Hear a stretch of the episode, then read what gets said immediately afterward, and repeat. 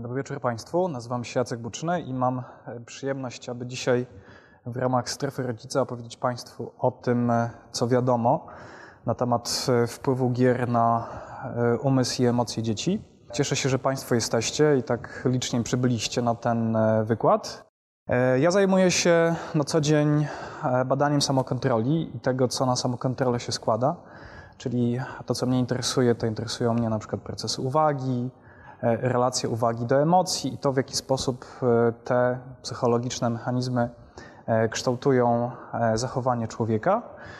I jakiś czas temu odkryłem, że gry w związku z tym, że są często obecne w naszym życiu, są też takim ważnym czynnikiem, który ma związek z tym, w jaki sposób kontrolujemy swoje zachowanie. Im dłużej w tym temacie tkwiłem, tym coraz bardziej różnego rodzaju dane dotyczące samokontroli i gier e, wydało mi się ciekawe i dzisiaj chciałbym Państwu powiedzieć z jednej strony o tym, czego sam się dowiedziałem, co wiadomo e, i opowiedzieć też trochę o moich badaniach w tym zakresie. Teraz wykład, natomiast później około godziny 19 część pewnie osób, mam nadzieję, przyjdzie na warsztat, więc na tym warsztacie będziemy myśleć, zastanawiać się nad tym, w jaki sposób tę wiedzę o funkcji gier komputerowych można byłoby wykorzystać do wspierania rozwoju. E, dzisiaj o tym na wykładzie nie powiem, więcej na ten temat, na temat rozwoju i gier e, na warsztatach. Zacznę od e, takiego wątku, mianowicie od tego, o jakich problemach chciałbym dzisiaj opowiedzieć. Po pierwsze, zacznę od tego, dlaczego w ogóle granie wciąga. E, dlaczego to jest tak, że gramy i gram nie tylko e, na komputerze? Ponieważ to e, mówi dość dużo o roli gier w naszym życiu, szczególnie gier komputerowych. Opowiem także o tym, z jakiego powodu gry są niebezpieczne. Nie chcę tutaj moralizować, nie chcę mówić tak po prostu, że gry są złe, tylko chcę przede wszystkim pokazać Państwu różnego rodzaju dowody, które odpowiadają na pytanie właśnie, czy gry mogą być e, niebezpieczne, a jeśli niebezpieczne, to z jakiego powodu, co takiego e, zmieniają w funkcjonowaniu naszego umysłu, czy umysłu dzieci w szczególności, oraz opowiem o tym, w jaki sposób one oddziałują na emocje, w jaki sposób oddziałują nie tylko na doświadczanie emocji, ale także w jaki sposób oddziałują na spostrzeganie emocji, czyli na procesy, które prowadzą do zachowań społecznych, takich, które w dużym stopniu wynikają e, z empatii. E, czyli moją funkcją jest pokazanie, moim zadaniem jest pokazanie to, w jaki sposób to się dzieje, w jaki sposób psychologia objaśnia wpływ gier na funkcjonowanie umysłu i na e, funkcjonowanie emocji. Postaram się pokazać dowody, które wskazują na pozytywne, jak i też negatywne strony, strony grania. Dlaczego gram? Pierwsze takie, e, pierwsze takie pytanie. E, gdybyście Państwo sami mieli odpowiedzieć na pytanie, dlaczego dzisiaj gracie, albo dlaczego graliście, to jaka byłaby, jaka byłaby odpowiedź? Ok, ponieważ to jest przyjemne. Co jeszcze? To gwarantuje relaks, to jest, to jest fajne. Co jeszcze? Ok, E, czyli rywalizacja. Tak? E, lubimy wygrywać, lubimy być e, lepszymi od kogoś. Ok, to też jest potrzeba. Oderwanie z rzeczywistości, czasem świetny sposób na to, żeby redukować stres albo po prostu, żeby o czymś nie myśleć. Zgoda? Granie ról, można być kimś innym. Służy to temu, żeby no, być może zrobić coś, czego byśmy na co dzień nie byli w stanie zrobić, prawda? Nie możemy dzisiaj rycerzem, wróżką i tak dalej, prawda? Czy inną postacią. E, coś jeszcze? Ok, można poznać nowych ludzi, liczy się kontakt e, z innymi. E, bardzo dużo powodów, więc można powiedzieć, dlatego właśnie gry są ważną częścią naszego życia. Z psychologicznego punktu widzenia, to co jeszcze gry powodują, to one zaspokajają tak zwaną potrzebę ciekawości, potrzebę poznawania nowych rzeczy. E, to nie tylko chodzi o rzeczywistość jakoś alternatywą, no ale po prostu o, o to, że każdy z nas ma ten głód nowości. W mniejszym bądź większym zakresie jest on silny. A po drugie, co też jest ważne, to to, to że gry zaspokajają potrzebę stymulacji. No i są takie gry, które są bardzo stymulujące, są różnego rodzaju gry sportowe na przykład, które mniej stymulują, takie jak na przykład nie wiem, brycz czy szachy, tak? E, ale są też gry takie jak, dajmy na to, koszykówka, które wymagają prawda, e, szybkiego działania i mogą być dla ludzi bardzo stymulujące, jak i też gry, na przykład gry komputerowe, które mogą być również e, bardzo, bardzo stymulujące. To jest jedna rzecz. Druga kwestia, która wiąże się z, z graniem, to to, że gry modelują pewnego rodzaju zachowania. E, I poprzez to modelowanie ludzie uczą się różnych e, rzeczy, nabywają kompetencji. Tak jak Pan tutaj wspomniał, że e, gry pozwalają nam na wygrywanie. No, grając w zwykłe gry, czy grając na komputerze, w gry planszowe i tak dalej, uczymy się, zdobywamy pewnego rodzaju kompetencje, które na przykład mogą dać nam później możliwość bycia liderem, kierowania daną grupą. Tak może być. Gry są oczywiście rozrywką, gry, co ważne, dają poczucie wpływu, tak, e, że jesteśmy sprawcą, że coś robimy, że jest e, efekt widoczny naszego działania. To może być coś banalnego, jak i też bardziej złożonego, w zależności oczywiście od rodzaju danej, danej gry. Gry obok tego, że dają poczucie wpływu, dają też możliwość budowania E, nowych umiejętności, nowych e, sprawności, takich jak na przykład gry. Często jest tak, że ludzie uczą się na przykład języka obcego właśnie dzięki temu, że grają, dzięki temu, że na przykład z innymi ludźmi muszą się wymienić różnymi informacjami, muszą zrozumieć instrukcje itd., tak itd. Tak dzięki temu, że sami są w tej grze, e, to przyswajanie tego języka jest łatwiejsze, dlatego że gra ich bardzo interesuje. No i żeby grać dalej, trzeba E, trzeba panować język. E, tych powodów można byłoby podać znacznie więcej. Pan na przykład powiedział, że gry dają ucieczkę od, dają możliwość ucieczki od e, rzeczywistości. Skoro dokonaliśmy pewnej refleksji nad sobą, to teraz jest pytanie takie, czy istnieją jakieś powody, które sprawiają to, że to, że dzieci grają. To, co mają typowe e, dla siebie, to to, że w efekcie grania powstaje coś takiego jak e, immanentna motywacja. Czyli innymi słowy, jeśli istnieją jakieś powody tego, że, że gramy, to po jakimś czasie one zaczynają znikać. Znikają, ponieważ gra sama w sobie zaczyna być przyjemna. Tak jak tutaj te psy na tym filmie, one grają, bawią się, E, dlatego że tego rodzaju zabawa dostarcza im przyjemności, zaspokaja ich potrzeby stymulacji, potrzeby zabawy. E, I podobnie tak dzieje się w przypadku każdej gry. Z czasem samo granie, samo dokonywanie tej, tej czynności powoduje to, że chcemy to robić. E, to jest bardzo ważna własność gry, to to, że ona właśnie tworzy immanentną motywację. W konsekwencji sama gra staje się celem. E, zrozumienie tego zjawiska, tego, że następuje przejście od jakiegoś konkretnego motywu, na przykład gram, żeby się zrelaksować, do właśnie tego, że powstaje taka niczym niekierowana motywacja, czysta przyjemność, to to w jakim stopniu pokazuje, dlaczego gry mogą uzależniać, dlaczego gry mają w sobie taką dużą moc, e, powodując, że ludzie e, w pewnych warunkach, w pewnych sytuacjach nie myślą o niczym innym, jak właśnie o grze. E, jak sobie zadamy pytanie, dlaczego my gramy, to pytanie jest takie, czy można na to pytanie odpowiedzieć w odniesieniu do dzieci, podając coś innego, twierdząc, że, gry, że dzieci grają z innych powodów. Ja myślę, że w zasadzie nie ma takiej możliwości. Pewnie na siłę, gdybyśmy chcieli coś podać, jakiś motyw dałoby się wymyślić, natomiast e, e, nie ma powodów, żeby myśleć, że dzieci grają z jakiegoś innego niż my powodu. E, to, co powiedzieliśmy, te wszystkie motywy można zamknąć w takich e, trzech podstawowych e, wymiarach, czy w ramach takich trzech podstawowych zasad, które biorą się z dość istotnej, ważnej teorii psychologicznej.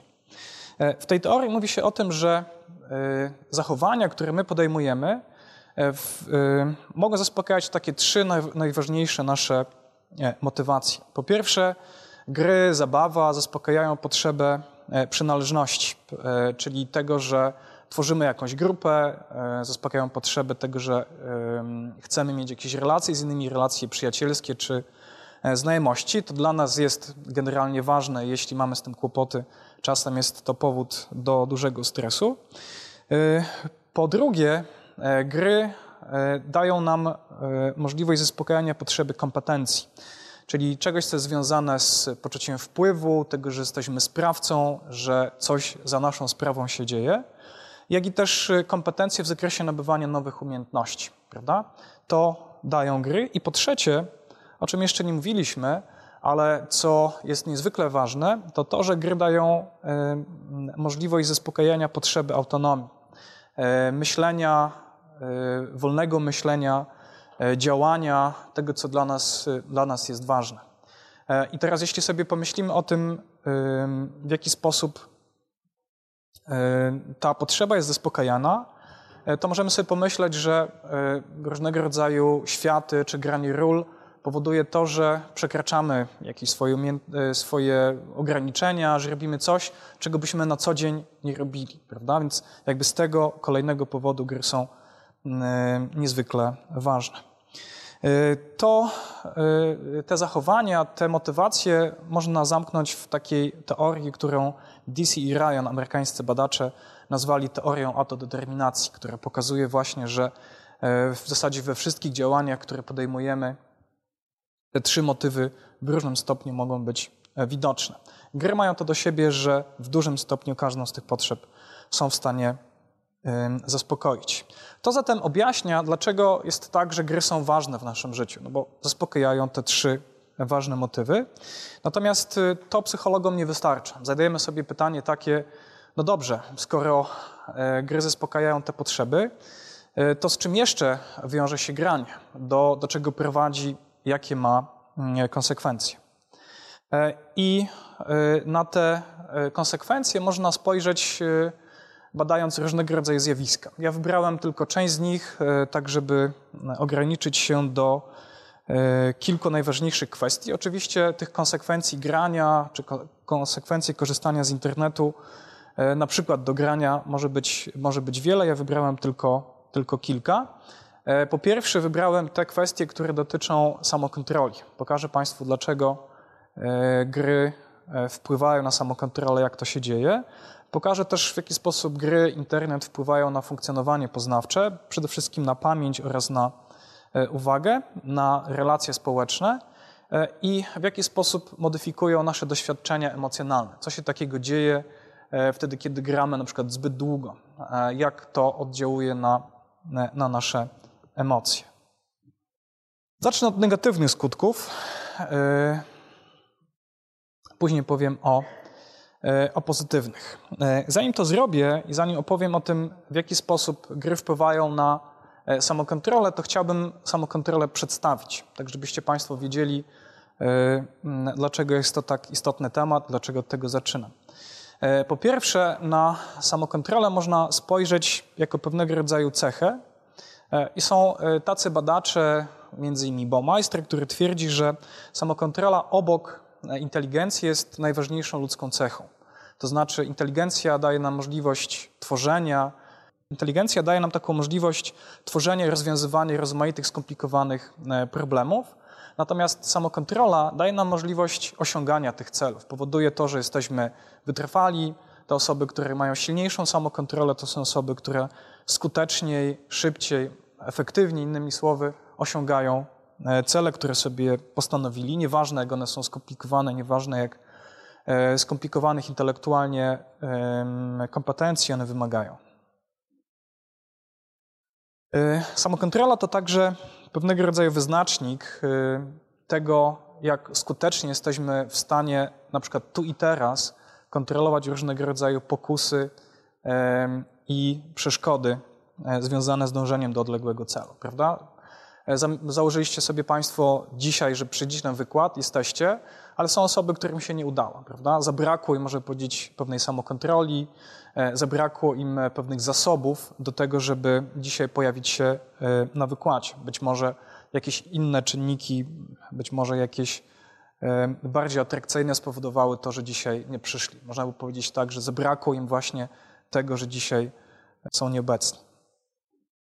Co ciekawe, samokontrola przekłada się na, nie tylko na wytrwałość, ale także na innego rodzaju działania, które są e, w naszym życiu bardzo ważne, które powodują to, że osiągamy na przykład sukces, sukces powiedzmy w pracy.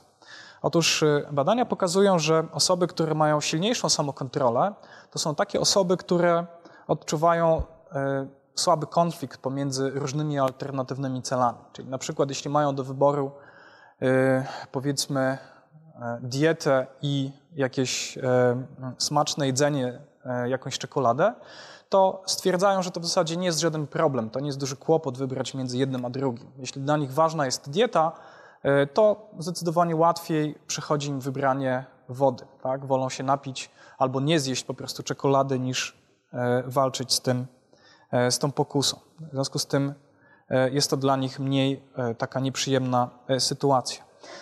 Po drugie, te osoby, które mają silniejszą samokontrolę, to są osoby, które, które odczuwają dużo słabsze pobudzenie fizjologiczne, wtedy kiedy muszą radzić sobie z różnymi pokusami, muszą radzić sobie z jakimiś nieprzyjemnymi konsekwencjami różnych impulsów. To nie tylko dotyczy sytuacji takiej, kiedy rozważamy, prawda, e, czy wypić alkohol, czy zamiast tego wypić wodę, ale także wtedy, kiedy stoimy przed sytuacją taką, że coś nas frustruje, coś nas bardzo denerwuje, prawda, i zastanawiamy się, czy wybuchnąć, czy zachować spokój. Okazuje się, że e, osoby, które mają silną samokontrolę, e, dużo łatwiej radzą sobie z tą sytuacją, ponieważ taka frustracja, takie negatywne pobudzenie u nich jest znacznie słabsze niż u osób, które mają niższy poziom samokontroli. W związku z tym osobom, które mają wyższy poziom samokontroli, dużo łatwiej jest zareagować spokojnie w takiej sytuacji frustrującej, czy na przykład w sytuacji e, prowokacji. I trzecia kwestia. E, badania pokazują, że te osoby, które mają silniejszą samokontrolę jako cechę, e, generalnie wkładają w samokontrolę znacznie mniej wysiłku. Łatwiej im przychodzi panowanie nad sobą, te konsekwencje sprawowania samokontroli są dużo, dużo mniejsze. Samokontrolę bada się nie tylko u dorosłych, e, samokontrolę bada się również u dzieci. Takim szczególnym przejawem samokontroli jest e, to, co w psychologii określa się mianem odraczania gratyfikacji albo odraczania nagrody. Nie wiem, czy Państwo znacie te słynne badania, które nazywamy testem pianki albo testem marshmallow. Jeśli nie znacie, to E, to dzisiaj jest okazja, żeby się dowiedzieć, ponieważ jest to e, jedno z najważniejszych badań, z najważniejszych doniesień, e, które dostarcza współczesna psychologia, ponieważ to są badania, które pokazują, jak my, ludzie, dzieci czy dorośli, funkcjonujemy właśnie w takiej dość trudnej sytuacji, kiedy nagroda jest odroczona, kiedy musimy czekać, kiedy musimy wykazać się wytrwałością. E, te badania były prowadzone już w latach 70. i tutaj mm, podstawowe wyniki związane z e, tym badaniem. E, to są wyniki jednego z badań wykonanych przez Michela i Ebesena. To są takie wyniki, które dotyczą dwóch sytuacji. Mianowicie dzieci były proszone o to, żeby siedząc przy stole, żeby starały się czekać na nagrodę. Pokazano im piankę, takie coś e, smacznego, a następnie mówiono im e, coś takiego, słuchaj, jeśli nie zjesz tej pianki, jeśli chwilę poczekasz, to w nagrodę dostaniesz kolejną, drugą piankę. E, no i w jednym warunku, w sytuacji takiej, kiedy nagroda była widoczna, dzieci widziały tą drugą piankę, okazywało się, że znacznie krócej był w stanie czekać na nagrodę. Innymi słowy, znacznie szybciej zjadały tą pierwszą piankę, co automatycznie powodowało, że tej drugiej pianki nie, e, nie dostają. E, natomiast druga sytuacja była taka, że nagroda była niewidoczna, czyli można by powiedzieć, ta pokusa była znacząco słabsza. Skoro pokusa była znacząco słabsza, to i dzieci były bardziej wytrwałe, były mniej podatne na, można powiedzieć, impulsy, które wynikały z tego rodzaju ekspozycji na, na bodziec. To jest taka prosta sytuacja, w życiu tak jest dość często, prawda, że E, trudno jest nam się oprzeć e, przed kupieniem czegoś, prawda? Widzimy masę ciekawych e, produktów, to mogą być słodycze, to mogą być ubrania i tak dalej. E, dużo łatwiej wydaje się pieniądze, prawda, w takich warunkach. Dużo trudniej jest odraczać gratyfikację. To są wyniki. Natomiast dość specyficzne jest to, jak zachowują się dzieci w tego rodzaju sytuacjach. I przygotowałem w związku z tym krótką prezentację takiego przykładowego eksperymentu. Jeśli Państwo jeszcze tego nie widzieliście, to znowu dzisiaj jest świetna okazja, żeby to zobaczyć. Jeśli Państwo już to widzieliście, to myślę, że jest dobra okazja, żeby sobie to, to powtórzyć.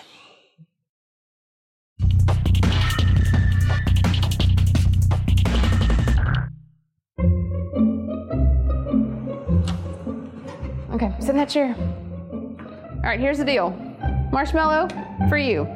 You can either wait, and I'll give you another one if you wait, or you can eat it now. When I come back, I'll give you t- another one, so then you'll have two. But stay in here and stay in the chair till I come back, okay? Okay. All right.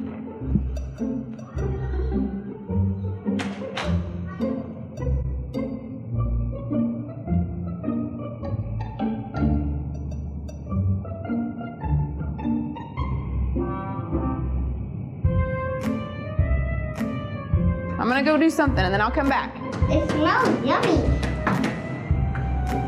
It smells really good.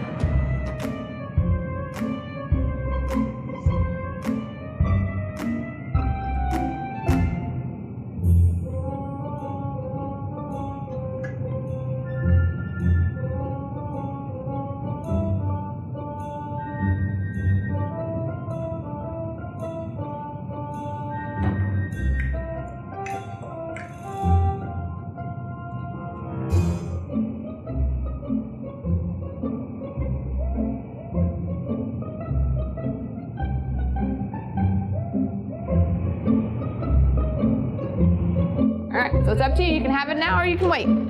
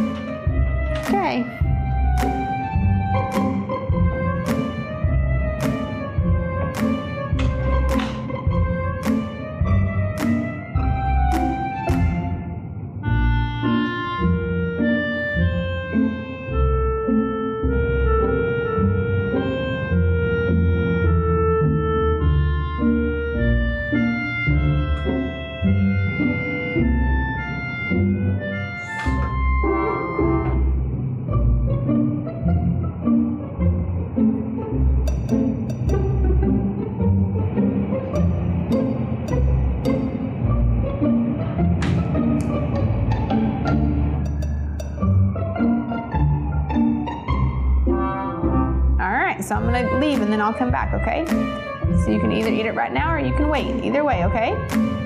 Okay.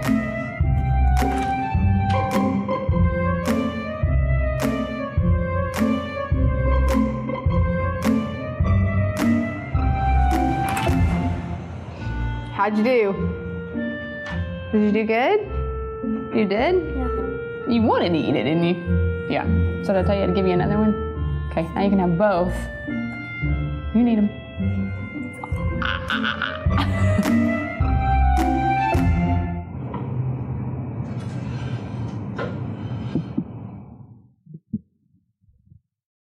To, co jest niesamowite, y, to oprócz tego, że widać różnego rodzaju strategie, które dzieci stosują e, po to, żeby sobie poradzić z tą e, trudną sytuacją, e, to także to, że ten test jest bardzo dobrym predyktorem, czyli on bardzo dobrze przewiduje to, jak możliwie te dzieci mogą się, czy będą się zachowywały w przyszłości.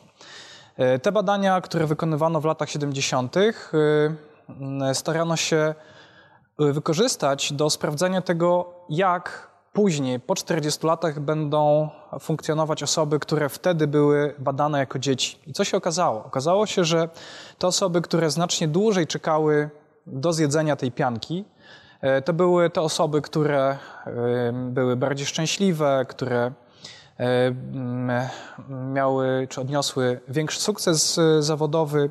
To były osoby, które miały znacznie lepsze relacje z innymi ludźmi niż te osoby, które bardzo krótko odraczały tą gratyfikację. Co to pokazuje? To pokazuje, że e, my jako dzieci mamy już pewien potencjał, który później w dorosłym życiu może być e, wykorzystywany. Natomiast e, problem jest e, taki, że jeśli jako dzieci tej e, gratyfikacji nie potrafimy odraczać, to nasze życie, czy jakość naszego życia może być niższa niż e, osoby, które dobrze tą, e, tą gratyfikację odraczają. To nie są tylko i wyłącznie badania amerykańskie. E, Podobne badania prowadzono na przykład w Australii e, i w Nowej Zelandii. E, Badaczka pani Moffitt pokazała bardzo podobny efekt. Obok tego, że pokazała ona właśnie związek pomiędzy odraczaniem gratyfikacji a na przykład sukcesem finansowym, na przykład pokazała to, że osoby, które dobrze odraczały gratyfikację jako dzieci, mają na przykład mniej długów, e, w ogóle nie biorą kredytów, e, czyli żyją w zasadzie z tego, co zarobią i ich sytuacja finansowa jest znac- znacznie lepsza niż e, pozostałych, e, pozostałych osób. E, W związku z tym e, można powiedzieć tak, że samokontrola jest ważną rzeczą, ważnym zjawiskiem w naszym życiu. E, Samokontrola również się rozwija. E, Wiedza na temat samokontroli e, dość dobrze obrazuje to, e, dlaczego dzieci mają na przykład kłopot z odraczaniem gratyfikacji, z odraczaniem przyjemności, nie tylko takiej związanej z jedzeniem, ale także na przykład przyjemności związanej z wykorzystaniem mediów, tak, czy zabawą za pomocą internetu czy, czy gier. Jak ta samokontrola się rozwija? Można to zobrazować za pomocą takiego, takiego schematu.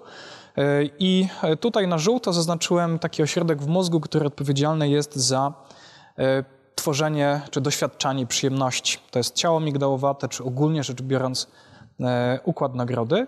I on znajduje się w tej części mózgu, która jest ewolucyjnie najstarsza. Mamy ją wspólną z wieloma innymi zwierzętami. Natomiast w tej części mózgu znajduje się, czy znajdują się ośrodki odpowiedzialne za refleksję, odpowiedzialne za samokontrolę. To jest na przykład kora przedczołowa czy e, przedni zakręt obręczy, e, z języka angielskiego nazywane ACC. E, I dane dotyczące tego rodzaju ośrodków i tego, jak one się zmieniają, pokazują niezwykle interesującą zależność związaną z tym, w jaki sposób my się rozwijamy. Otóż e, badania pokazały, że wtedy, kiedy e, mamy kilka lat życia, e, jesteśmy szczególnie wrażliwi na, e, na nagrody. Nasza wrażliwość na nagrody jest znacznie, znacznie większa niż wtedy, kiedy e, wkraczamy w dorosłe życie, wtedy, kiedy mamy 15 czy e, 16 lat. Natomiast dużo słabiej rozwinięta jest nasza wrażliwość na kary. W związku z tym to dość dobrze objaśnia na przykład dla dzieci, dlaczego dzieci nie rozumieją tego albo bardzo słabo rozumieją to, że ich działania e, mogą mieć negatywne konsekwencje e, i dlaczego e, bardzo rzadko uczą się, może nie rzadko, ale dlaczego są jakby mniej wniosków wyciągają z negatywnych doświadczeń, dlatego że wtedy, kiedy mają kilka lat życia, ich wrażliwość na kary jest znacząco słabsza e, niż wrażliwość na nagrody. Dopiero to się zmienia wtedy, kiedy e, ludzie mają 15-16 e, lat, wtedy znacznie więcej doświadczenia, albo innymi słowy mądrości są w stanie czerpać z negatywnych konsekwencji własnych, własnych działań. E, Ten, e, ta zależność e, też e, w jakimś stopniu tłumaczy takie niezwykle e, niebezpieczne zjawisko, które e, widać wtedy, kiedy m, e, badamy e, otyłość u dzieci. Okazuje się, że w Polsce od e, 2000 do 2010 o 100% zwiększyła się liczba dzieci otyłych. E, Dlaczego? Dlatego, że mm, dzieci jedzą więcej cukru, ale też nie są w stanie doświadczać jako takie młode osoby negatywnych konsekwencji otyłości, ale jeśli nawet je doświadczają, to e, nie są w stanie wyciągnąć z tego e, wielu, e, wielu wniosków, nie są w stanie w związku z tym zmodyfikować swojego e, zachowania. E, To jest jedno podejście do samokontroli jako, e, jako cechy. E, I teraz drugie podejście to jest potraktowanie samokontroli jako pewnego rodzaju procesu. E, To jest też istotne do zrozumienia e, tego, e, dlaczego gry mogą mieć e, ne- negatywne konsekwencje. Otóż e, badania pokazują, że w sytuacji takiej, kiedy człowiek bardzo stara się kontrolować swoje reakcje, na przykład stara się kontrolować swoje emocje, e, skutkiem tego jest e, wyczerpanie się ogólnie rzecz biorąc zasobów. My mówimy, że to są zasoby samokontroli. W efekcie człowiek, który bardzo stara się kontrolować swoje zachowania, swoje reakcje, powstrzymywać negatywne konsekwencje impulsów, e, dużo słabiej kontroluje swoje zachowania. Jest w stanie skupiać znacznie mniejszą uwagę nad tym, e, co robi. Na przykład w konsekwencji staje się bardziej impulsywny, e, podejmuje większe ryzyko, jest bardziej agresywny, wydaje więcej pieniędzy, obżera się itd. itd.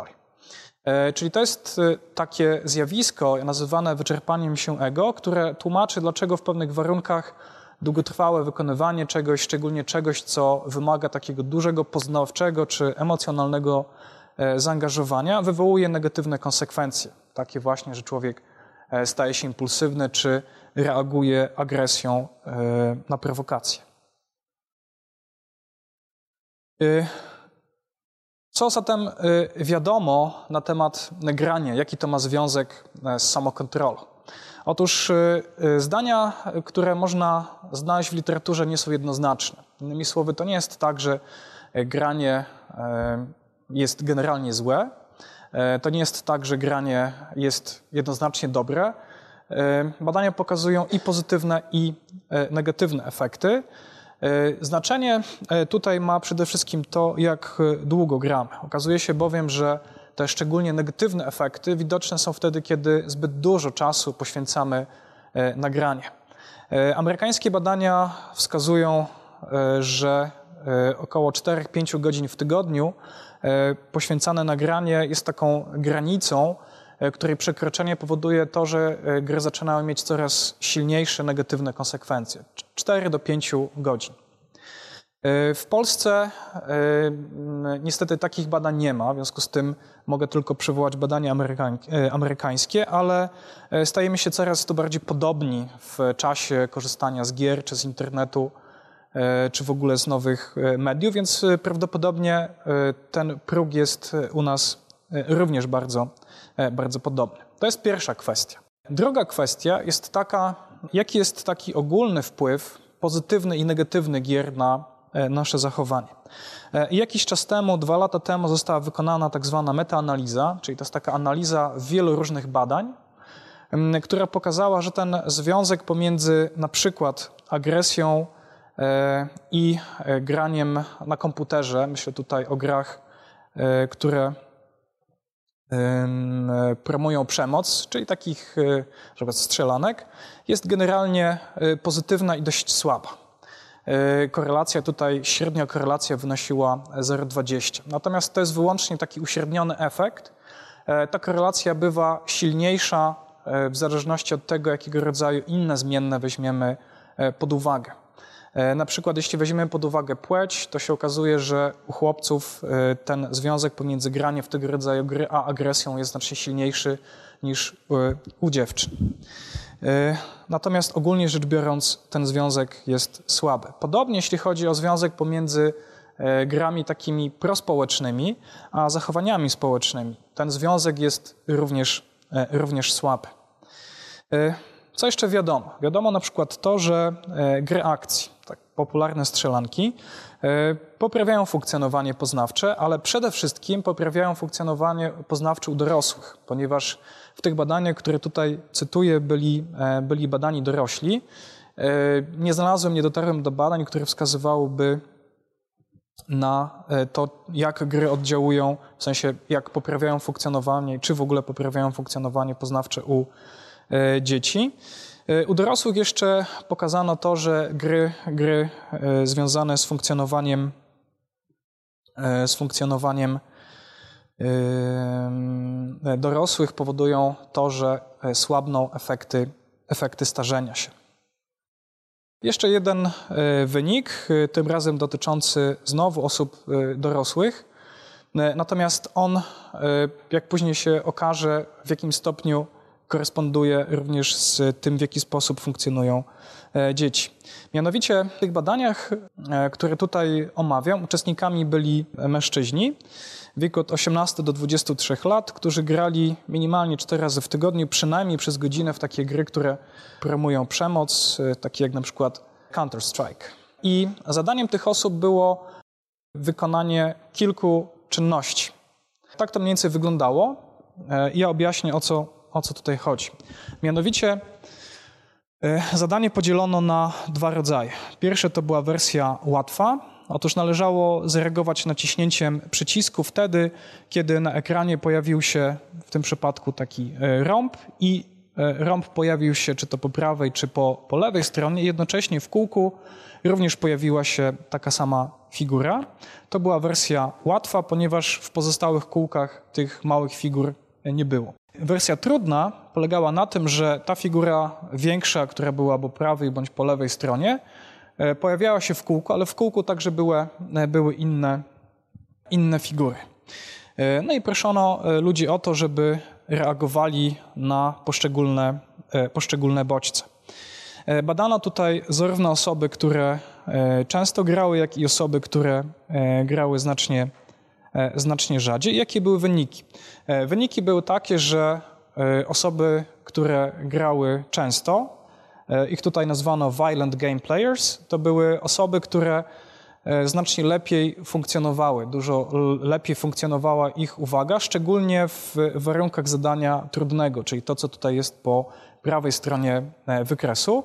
To są osoby zaznaczone e, linią przerwaną. E, Różnic pomiędzy nimi a tą grupą, która nie grała, nie było widać wtedy, kiedy zadanie było łatwe, natomiast e, wtedy, kiedy trudność zadania znacznie się e, zwiększała, te różnice się uwypuklały. Innymi słowy, gracze, którzy często grają w tego rodzaju gry, lepiej poznawczo funkcjonują niż osoby, które, które nie grają w gry promujące zachowania brutalne.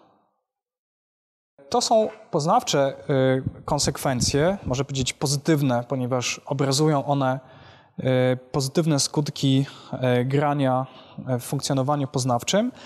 Problem polega na tym, że danych dotyczących dzieci za dużo nie mamy. Prawdopodobnie mają tutaj jakieś kwestie dotyczące etyki, a być może to jest tylko kwestia czasu, zanim będziemy mieli dane dotyczące wpływu gier na e, poznawcze funkcjonowanie dzieci. Natomiast e, to, co e, wiadomo, wiadomo z badań i europejskich, i polskich, i badań amerykańskich, to to, że gry mogą mieć rozmaite negatywne konsekwencje związane z funkcjonowaniem jak i dzieci, jak i dorosłych. I teraz chciałbym to przedstawić. Po pierwsze, to co widać w literaturze, to to, że gry, szczególnie strzelanki, wszelkiego rodzaju gry, które są czy, czy w których uczestniczy się z perspektywy własnej osoby, to są takie e, gry, które wzmacniają tak zwaną orientację egoistyczną, czyli taki ważny czynnik e, składający się na e, doświadczenie empatii. Tym samym objaśnia to trochę różnego rodzaju dane, które wskazują to, że gracze mają niższą empatię niż niegracze. Innymi słowy, im częściej gramy właśnie w takie gry jak gry FPS, jak strzelanki, tym rzadziej jesteśmy w stanie dokonywać decyzji e, takie, jak dokonałaby mm, e, decyzji e, osoba z wysoką empatią. Co dalej wiadomo? Wiadomo, że częstość grania przekłada się na, na tak zwaną desensytyzację.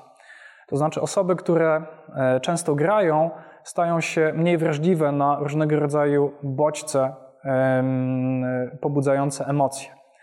E, Czyli na przykład jeśli się graczom przedstawia e, obrazki prezentujące coś przyjemnego albo coś negatywnego, coś co u niegraczy wywołuje średnie bądź e, silne pobudzenie fizjologiczne, to z kolei u graczy ono jest znacząco słabsze.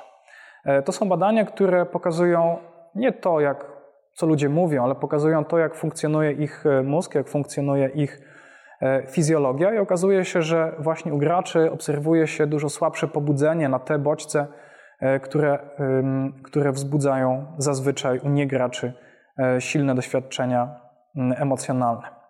E, Myśmy, znając tego rodzaju e, wyniki badań, e, starali się zobaczyć, jak to, jak to działa u młodzieży, jak to e, funkcjonuje u dzieci. E, I e, w badaniach eksperymentalnych, jak i w badaniach korelacyjnych, czyli w takich badaniach, gdzie albo ludzie byli proszeni o to, żeby grać, albo badaliśmy to, jak często grają na co dzień w różnego rodzaju gry, e, sprawdzaliśmy to, jak na przykład dobrze rozpoznają różnego rodzaju emocje, czy innymi słowy, jak to wpływa na ich kompetencje społeczne. I sprawdzaliśmy także to, jak wpływa granie, bądź jak częstość grania przekłada się na zdolność do kontroli własnych reakcji. E, to są wyniki, które za jakiś czas będą, będą opublikowane, więc będziecie mieli, będziecie mieli Państwo okazję, żeby sobie później w artykułach do tego dotrzeć. Jakie są wyniki? Wyniki są mniej więcej takie, które udało się E, powtórzyć i w Polsce, i w innych krajach, to to, że na przykład czas grania wiąże się dość silnie z pogorszeniem zdolności do rozpoznawania emocji.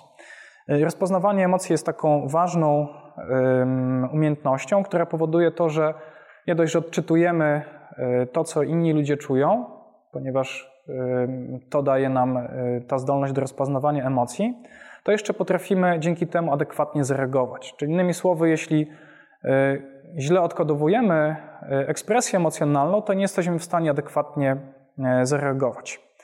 E, to jest jeden wynik. Drugi wynik, który uzyskaliśmy, to to, że osoby, które grają, były tutaj dzieci proszone o to, żeby grać przez co najmniej 20 minut, w konsekwencji dużo gorzej kontrolują swoje reakcje. Czyli można by powiedzieć, ich samokontrola na skutek grania jest znacznie słabsza. E, I to są wyniki, które również korespondują z tym, co e, uzyskali e, inni badacze. Czyli innymi słowy, można powiedzieć tak, że gry powodują osłabienie samokontroli, powodują osłabienie pewnych ważnych kompetencji społecznych także. To wiąże się z takim modelem, który został jakiś czas temu w literaturze opisany i on pokazuje, w jaki sposób i dlaczego długotrwałe granie może prowadzić do braku kontroli, braku samokontroli, co na przykład może się e, wiązać z, ze skłonnością do reagowania agresją, na przykład na skutek e, prowokacji. E, ten model pokazuje coś takiego, że często grając tworzymy w sobie pewnego rodzaju nawyk, pewnego rodzaju przyzwyczajenie, do reagowania w sytuacjach konfliktowych czy w sytuacjach problematycznych. To jest nawyk, który na przykład wiąże się z reagowaniem e, przemocą, reagowaniem e, silnym pobudzeniem na e, problem. To jest jeden wątek. Drugi wątek jest taki, że częste granie przekłada się na takie nasze odwrażliwienie, można powiedzieć takie odwrażliwienie społeczne. Znacznie mniej czujemy. To jest oczywiście jakby z pewnej perspektywy dość dobrze, jeśli e, nasze emocje są dużo mniejsze, ponieważ no wtedy myślimy bardziej racjonalnie, ale e, odwrażliwienie jest zdecydowanie mało korzystnym zjawiskiem wtedy, kiedy rozpatrujemy relacje społeczne, ponieważ zdolność do wczucia się w sytuację innej osoby, przyjęcie jej perspektywy są niezwykle ważne, prawda? ponieważ są warunkiem doświadczenia empatycznego. E, w konsekwencji takie e, długotrwałe, systematyczne granie powoduje to, że e, zmienia się nasza osobowość, powstają takie stałe wzorce zachowania reakcji właśnie w sytuacji, w sytuacji konfliktowej. Czyli zamiast rozmawiać z drugą osobą, człowiek może przejść od razu do działania. E, takiego działania, które na przykład służy temu, aby drugiej osobie wyrządzić krzywdę, ponieważ sobie nie zdaję sprawy, czy mogę sobie nie zdawać sprawy z tego, że moje działanie może mieć negatywne konsekwencje.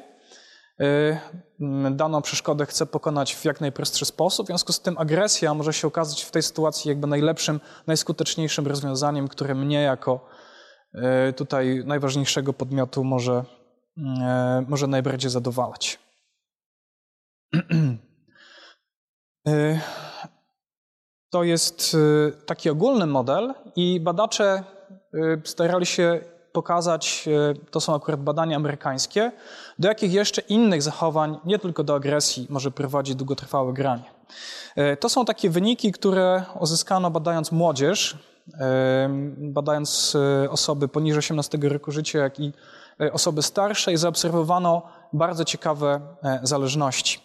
E, ja wiem, że ten wykres jest trochę nieczytelny, ale jakby tak e, spojrzeć na niego bardzo ogólnie, to myślę, że on mówi e, bardzo wiele, pod warunkiem, że go skomentuję, więc, więc to zrobię.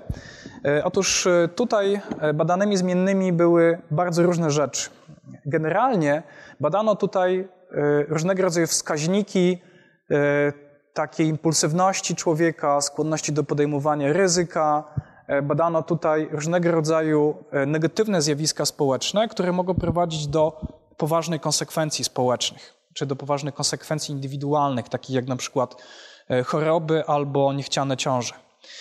Badano zatem takie zjawiska jak ilość wypitego alkoholu, częstość picia alkoholu, częstość picia alkoholu dzień po dniu, E, badano częstość palenia papierosów, e, wypalane, liczbę wypalanych papierosów e, w ciągu minionych kilku miesięcy, długość palenia, ilość bujek, czyli różnego rodzaju takich realnych wybuchów agresji. Badano wiek inicjacji seksualnej, badano ilość seksualnych partnerów, badano ilość seksu bez zabezpieczenia, czy badano także wiek inicjacji seksualnej. I następnie to korelowano, e, zestawiano z częstością grania w e, gry, które są związane z przemocą. I to, co tutaj widać, to jest to, że całkiem po prawej stronie mamy osoby, które w ogóle nie grają w żadne gry. E, ani w gry brutalne, ani w gry innego rodzaju. Natomiast w tej drugiej części wykresu mamy do czynienia z osobami, które grają. No i e, tę grupę podzielono na e, kilka podgrup. Mianowicie, po pierwsze, po tej stronie, całkiem po lewej, mamy osoby, które nigdy nie grają w gry, e, które są związane z przemocą. Jak widzimy, te wszystkie wskaźniki związane na przykład z wiekiem inicjacji seksualnej, seksem bez zabezpieczenia i tak dalej są generalnie dużo, dużo niższe niż w pozostałych grupach. Możemy powiedzieć tak, że te osoby podejmują znacznie mniej ryzyka, lepiej siebie kontrolują. Natomiast e, te wskaźniki zaczynają rosnąć, im częściej ludzie grają w poszczególnego w, w takie gry. Czyli tutaj mamy już bliżej środka osoby, które grają od czasu do czasu, osoby, które grają czasami, a tutaj mamy z kolei osoby, które grają codziennie. Jak widzimy, jest tutaj duża różnica pomiędzy E, tymi, którzy nigdy nie grają w takie gry, a tymi, którzy, e, który, którzy grają codziennie. Te osoby, które grają codziennie, e, mm, wyrażają w swoim zachowaniu właśnie taką tendencję do ryzyka, do różnych niebezpiecznych zachowań, które mają negatywne konsekwencje nie tylko dla nich, ale także dla innych ludzi. Myślę tutaj na przykład o seksie, seksie bez, bez zabezpieczenia. To, co jest jeszcze ciekawe w, w tych badaniach, to to, że nie tylko badano e, te efekty tu i teraz, ale także e, osoby obserwowano e, przez kilka, jeśli dobrze pamiętam, przez kilka miesięcy. Następnie badano, jak ta częstość grania przekłada się na różnego rodzaju zjawiska. W związku z tym badanie było realizowane według takiego planu pomiaru wstępnego, czyli to była fala pierwsza, później była fala druga, trzecia e, i ostatnia, i następnie sprawdzano, jak to w czasie, to granie przekłada się na różnego rodzaju e, zachowania. Więc tutaj akurat na wykresie umieściłem e, bójki czy tendencje do, do agresji. Ten związek występuje, te korelacje są istotne statystycznie, czyli można interpretować. Nie są za duże, ale okazuje się, że e, granie w tego rodzaju gry przekłada się na wiele różnych zachowań związanych właśnie z tendencją do podejmowania ryzyka czy e, z takimi negatywnymi zachowaniami społecznymi. Czyli innymi słowy, ten związek jest słaby, ale my grając, zwiększając częstość grania, narażamy na to, że w końcu w naszym życiu wystąpią pewnego rodzaju negatywne, negatywne zjawiska. To, co jeszcze było ciekawe w tych badaniach, to to, że nie badano wyłącznie E, częstości grania i e, pewnych e, mm, negatywnych zachowań, ale także kontrolowane różnego rodzaju czynniki osobowościowe, po to, żeby wykluczyć na przykład wpływ takiej tendencji jak, jak zapotrzebowanie na stymulację czy poszukiwanie wrażeń. Bo moglibyśmy powiedzieć coś takiego, że na przykład tendencje do agresji mają te osoby, które mają taką silną potrzebę stymulacji. Tak? Czyli ta tendencja nie wynika z grania, ale z indywidualnych cech, tego jakim, jakimi ludzie rodzą się, jakie mają indywidualne predyspozycje. I okazało się, że e, te efekty, czyli przekładanie się gier na, e, na e, pewne negatywne zjawiska społeczne, występuje także wtedy, kiedy uwzględnimy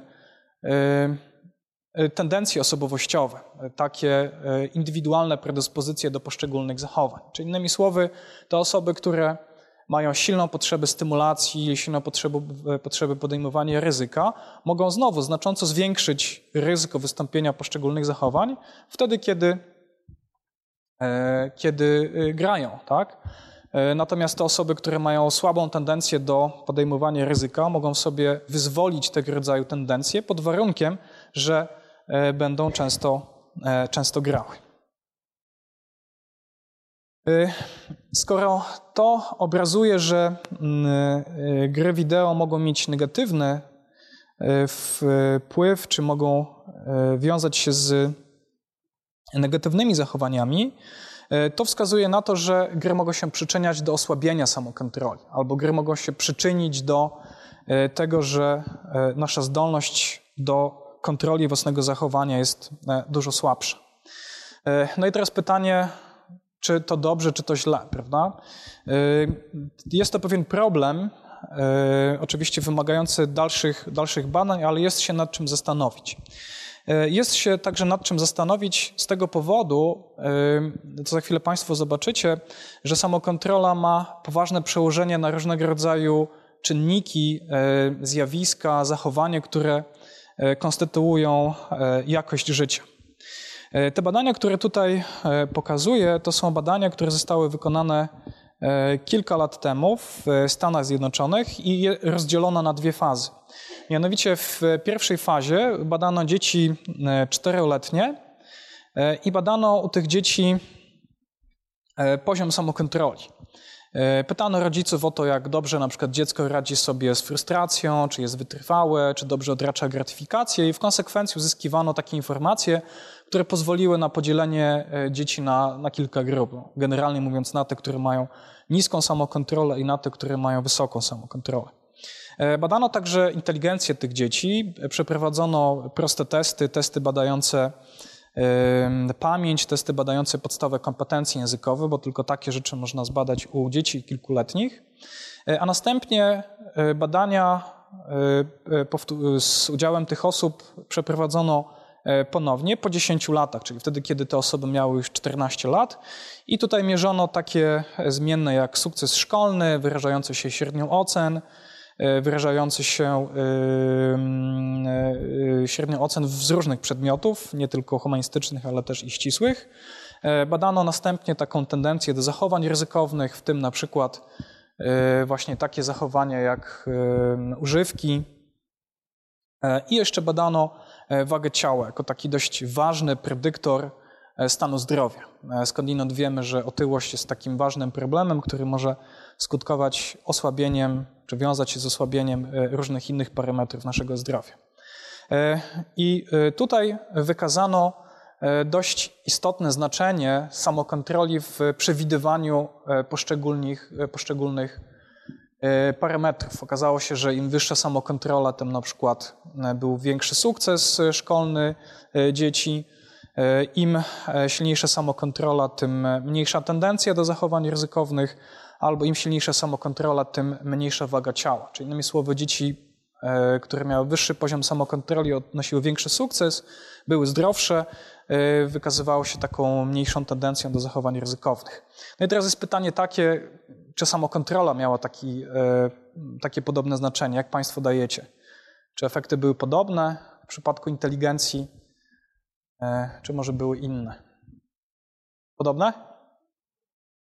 E, wyniki były takie, że w zasadzie, e, w zasadzie samokontrola, e, przepraszam, inteligencja niezbyt dobrze przewidywała poszczególne wskaźniki. Tak? Czyli inteligencja nie przekładała się znacząco na sukces szkolny, ta korelacja była bardzo słaba i nieistotna statystycznie. Im wyższa inteligencja, tym mniejsza waga ciała, ale inteligencja nie miała zupełnie związku z zachowaniami, realnymi zachowaniami ryzykownymi, które obserwowano e, w zachowaniu 14-latków.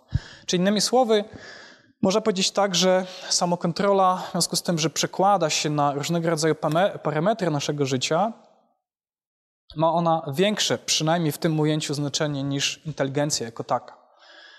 W związku z tym, jeśli wiemy, że na przykład różnego rodzaju niekorzystne zjawiska, takie jak gry komputerowe i tak dalej, szczególnie wtedy, kiedy często gramy, mogą mieć przełożenie na osłabienie samokontroli, to jeśli samokontrola ma, kiepskie, ma przełożenie na, na tego rodzaju parametry, to może powiedzieć tak, że gry mogą się przyczyniać do, do osłabienia takich właśnie parametrów wyznaczających jakość naszego życia. Oczywiście są to bardziej hipotezy, to jest jakby postawienie pewnego problemu, ale myślę, że poszczególne fakty przemawiają za tym, żeby jednak myśleć w ten sposób, że, że częstość grania może negatywnie oddziaływać na poszczególne, poszczególne parametry. Prawdopodobnie ktoś to, ktoś to za niedługo sprawdzi.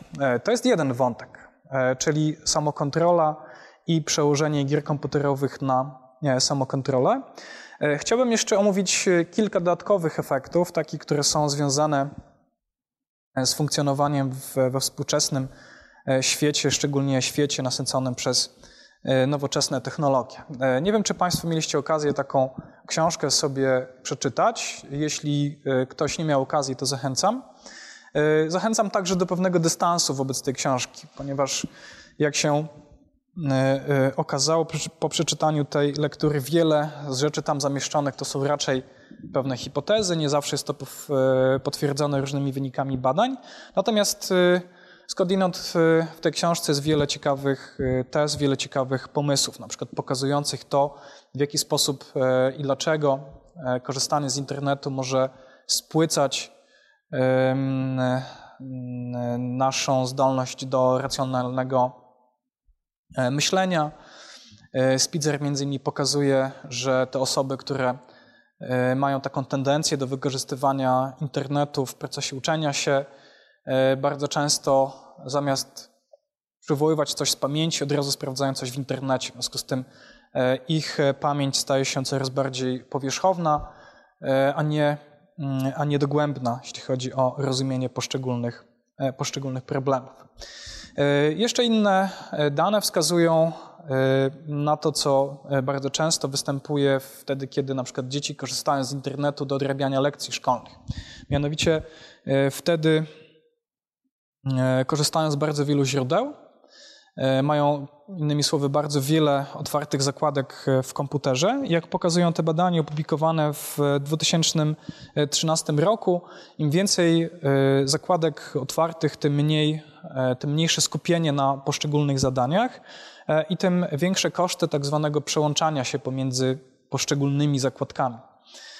Czyli ludzie, którzy rozwiązują jakiś problem, jakieś zadanie i korzystają z bardzo, bardzo wielu źródeł, tak naprawdę narażają siebie na szybsze zmęczenie, na to, że będą z tego wszystkiego znacznie, znacznie mniej pamiętać. I na koniec chciałbym jeszcze poruszyć jeden wątek, mianowicie wątek związany z uzależnieniem i potencjalnymi negatywnymi konsekwencjami tego uzależnienia. Otóż często się pojawia takie, takie pytanie, prawda, czy, czy, czy ja, czy moje dziecko jest uzależnione od komputera albo od gier. I często rodzice poruszają ten problem, mówiąc, że na pewno nie wiem, mój mąż, albo moja żona, albo moje dziecko jest uzależnione od, od komputera. I chciałbym Państwa jakby przestrzec przed zbyt pochopnymi wnioskami, ponieważ identyfikacja uzależnienia wymaga spełnienia rozmaitych, rozmaitych warunków.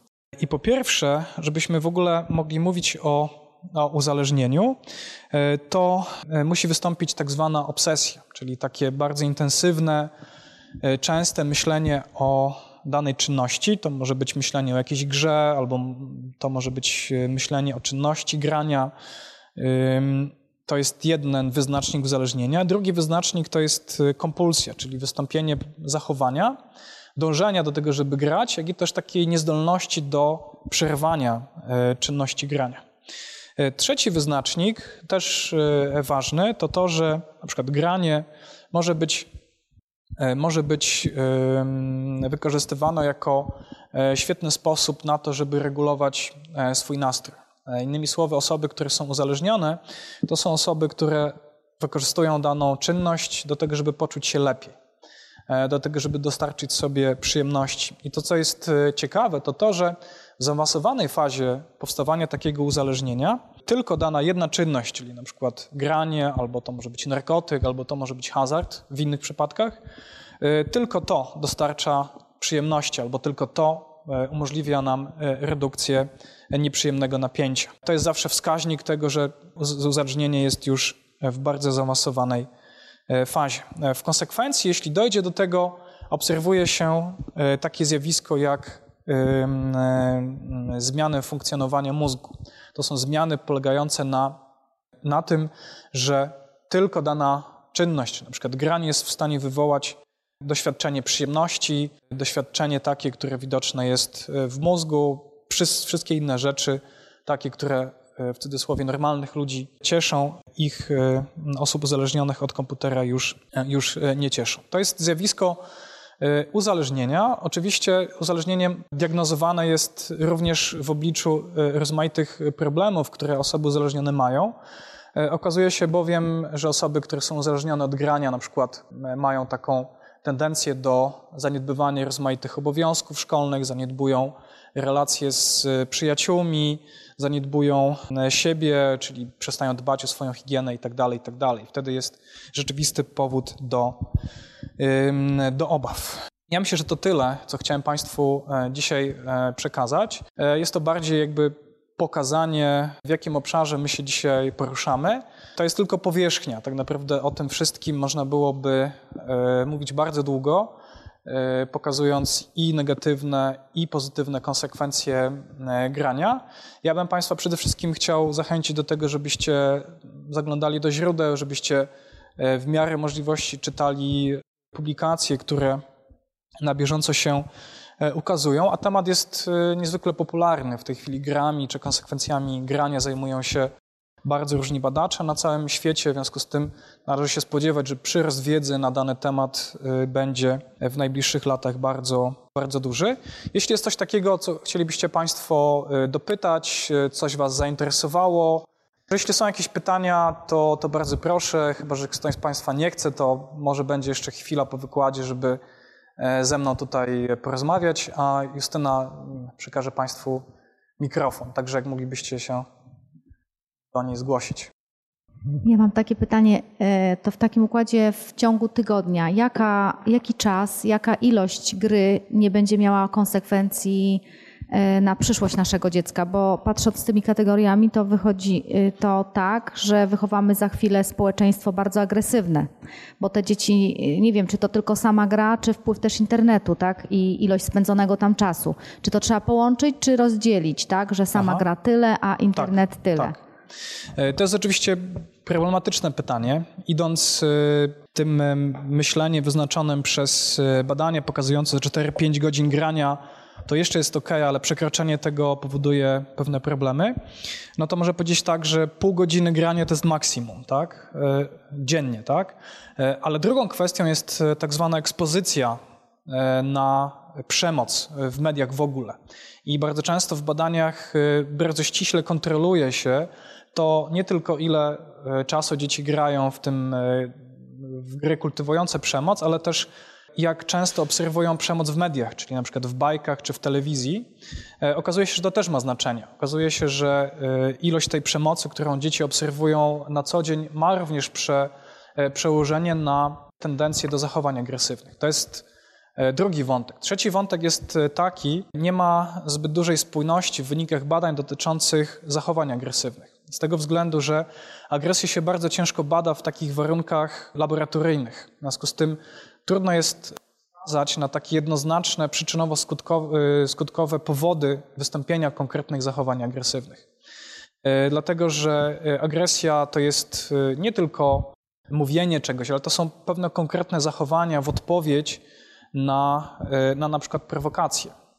I to, co badania sugerują, że ekspozycja na przemoc, ona w pewnym stopniu modeluje zachowania dzieci, zachowania dorosłych, które mogą wystąpić w sytuacji konfliktu. Mogą, ale nie muszą. Znaczy, muszą istnieć jeszcze dodatkowe czynniki, które spowodują to, że, że my, wystawieni na przemoc, będziemy w takich, a nie innych warunkach e, zachowywać się w sposób, w sposób agresywny. Więc mm, można powiedzieć to, że nie ma bezpośredniego przełożenia ekspozycji na przemoc, grania, zachowania w agresywne, ale, innym, ale z drugiej strony ekspozycja na przemoc, granie, ona modeluje naszą skłonność do zachowywania się w określony sposób. E, I teraz jeśli na przykład wystąpi taki problem jak niska empatia, y, niezdolność do kontrolowania swojego stresu, niezdolność do kontrolowania swoich emocji, które na przykład może być nabywane w innych warunkach, to może to skutkować zachowaniami agresywnymi.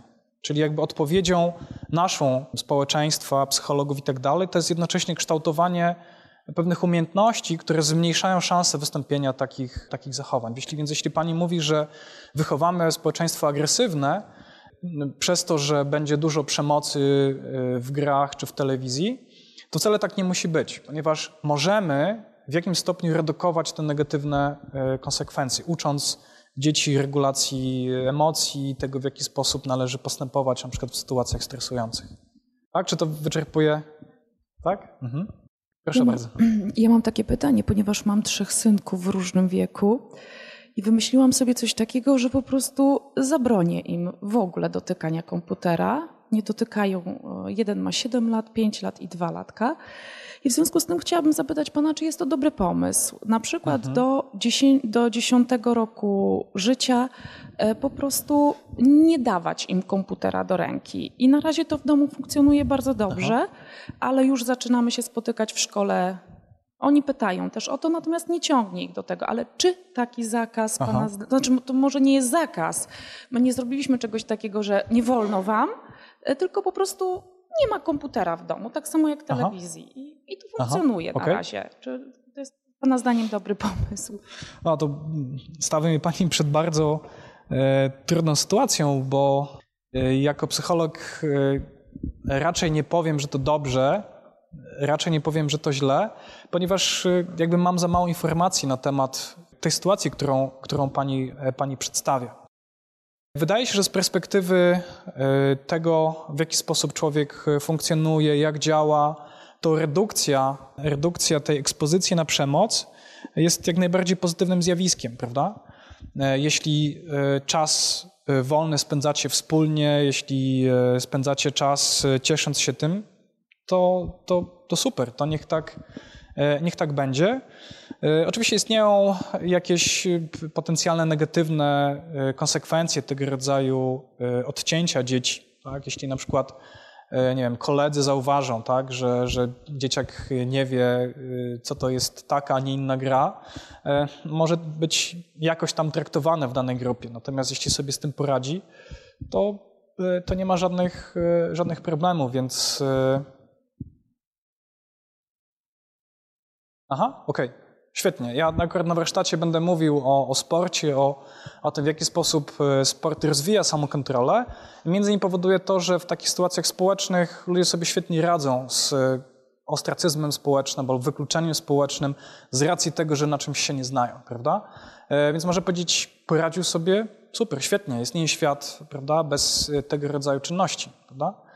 E, Więc pewnie, no, są ludzie, którzy nie piją alkoholu i w pewnych e, w sytuacjach społecznych e, niezbyt dobrze są oceniani, ale gdzieś w dłuższej perspektywie prowadzi to do dużo korzystniejszej sytuacji niż tych osób, które piją alkohol, więc analogicznie można powiedzieć, że to, że to okej.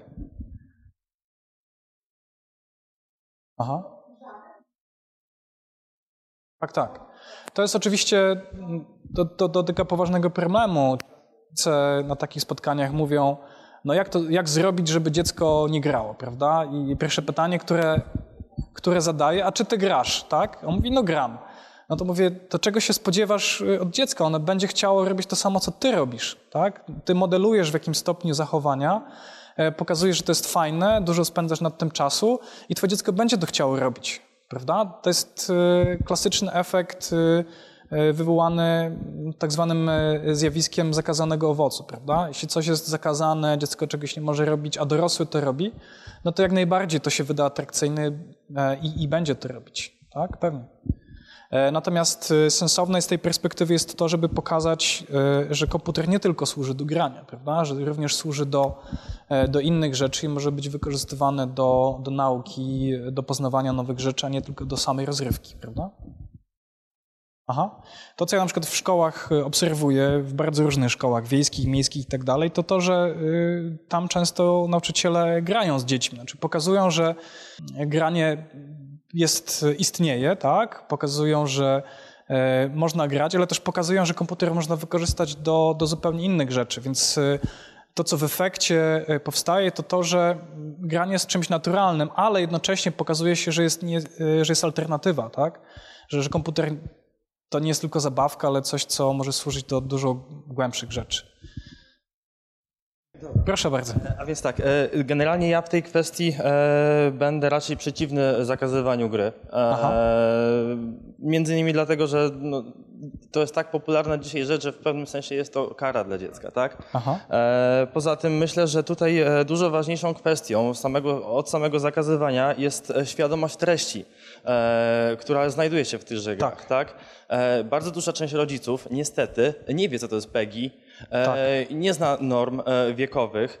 E, I e, czemu o tym mówię? Miałem jakiś czas temu rozmowę z jedną mamą, e, która bardzo nadopiekuńczo wychowuje swojego syna, e, w tym momencie już gimnazjalistę. E, nie chciała go wręcz wypuścić nawet samodzielnie do sklepu. Pytam się, dlaczego? E, ona się boi, e, że chłopak po drodze spotka albo jakiegoś bandytę, albo jakiegoś dealera, albo kogoś w ten deseń. E, rozmawiam z chłopcem, w co on gra? GTA 4. E, Dla osób, które nie wiedzą, w GTA 4 gra się dealerem i złodziejem samochodowym. E, Także mm, ja myślę, że tutaj może nie tyle kwestia samego zakazywania tego, Tak, e, tak. co bardziej po prostu dowiedzmy się, co tam jest w tym, czego dokładnie to uczy, ponieważ Aha. każda gra i każdy gatunek przekazuje nam zupełnie co innego. A ja jestem ciekaw, bo pracuję w szkole, od kogo powinienem budzenie takiej świadomości zacząć? Czy od dziecka, czy od rodzica? Mhm. Jedni i drudzy. Aha. Aha. Aha. Tak jeszcze trochę an- anegdotycznie odpowiem. Kiedyś podsłuchałem rozmowę dwóch dziadków w- Empiku e, i mówią, no zbliża się komunia i słuchaj, może jakąś grę mu kupimy.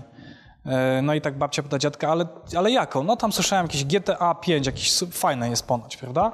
E, To jakby rzeczywiście pokazuje poziom ignorancji e, dorosłych, którzy kompletnie nie zwracają uwagi na różnego rodzaju oznaczenia. To jest jedna kwestia, ale jeśli już coś dziecko robi, to w ogóle nie wnikają w to, prawda? Na czym to wszystko polega, jakie to są gry, a gry mogą być zdecydowanie odmienne, więc z pewnością należałoby chociażby zacząć od tego, tak? Ja miałem trzy krótkie pytania, Proszę. jeżeli mogę, ale tak szybko pod rząd. Pierwsze, tam wspomniał Pan o e, tych bodźcach, czy o stymulacji. Tak. I zastanawiam się, czy tutaj bardziej chodzi o jakieś bodźce zmysłowe, które po prostu muszą być non-stop dostarczane, czy jakiś ogólny poziom pobudzenia, typu, nie wiem, poziom adrenaliny i tak dalej, i tak dalej, tak? Bo tutaj pewnie jakaś tam różnica może między tym nastąpić.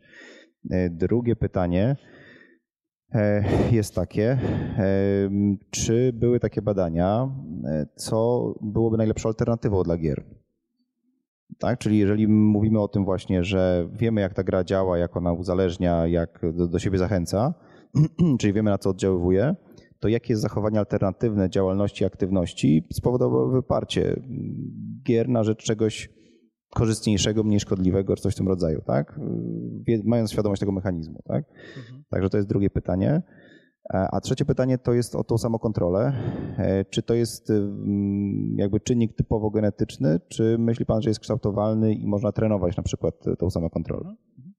E, Jeśli chodzi o tą pierwszą kwestię, to tutaj zdecydowanie chodzi o stymulację e, taką czysto bodźcową, nie do końca o adrenalinę. E, Chociaż w pewnym stopniu ta potrzeba e, stymulacji ona wynika z biologii, z tego e, jak, jakiego doświadczenia emocjonalnego ludzie potrzebują na co dzień, żeby w miarę dobrze się czuć. Tak? No i jedni mają dużo silniejszą potrzebę stymulacji. To są osoby, które na przykład później mają taką tendencję do tego, że lubią ryzyko, czy sporty ryzykowne, są himalistami i tak. E, Więc to jest po części e, rzecz, która wynika i z biologii, i z pewnych potrzeb e, psychologicznych. E, Ten drugi wątek, e, jakby to byłoby dość trudne żeby zobaczyć, w jaki sposób kształtowanie e, zachowania może przebiegać wtedy, kiedy e, ludzie mają te alternatywy, tak? czyli na przykład grę versus inną czynność e, stymulującą.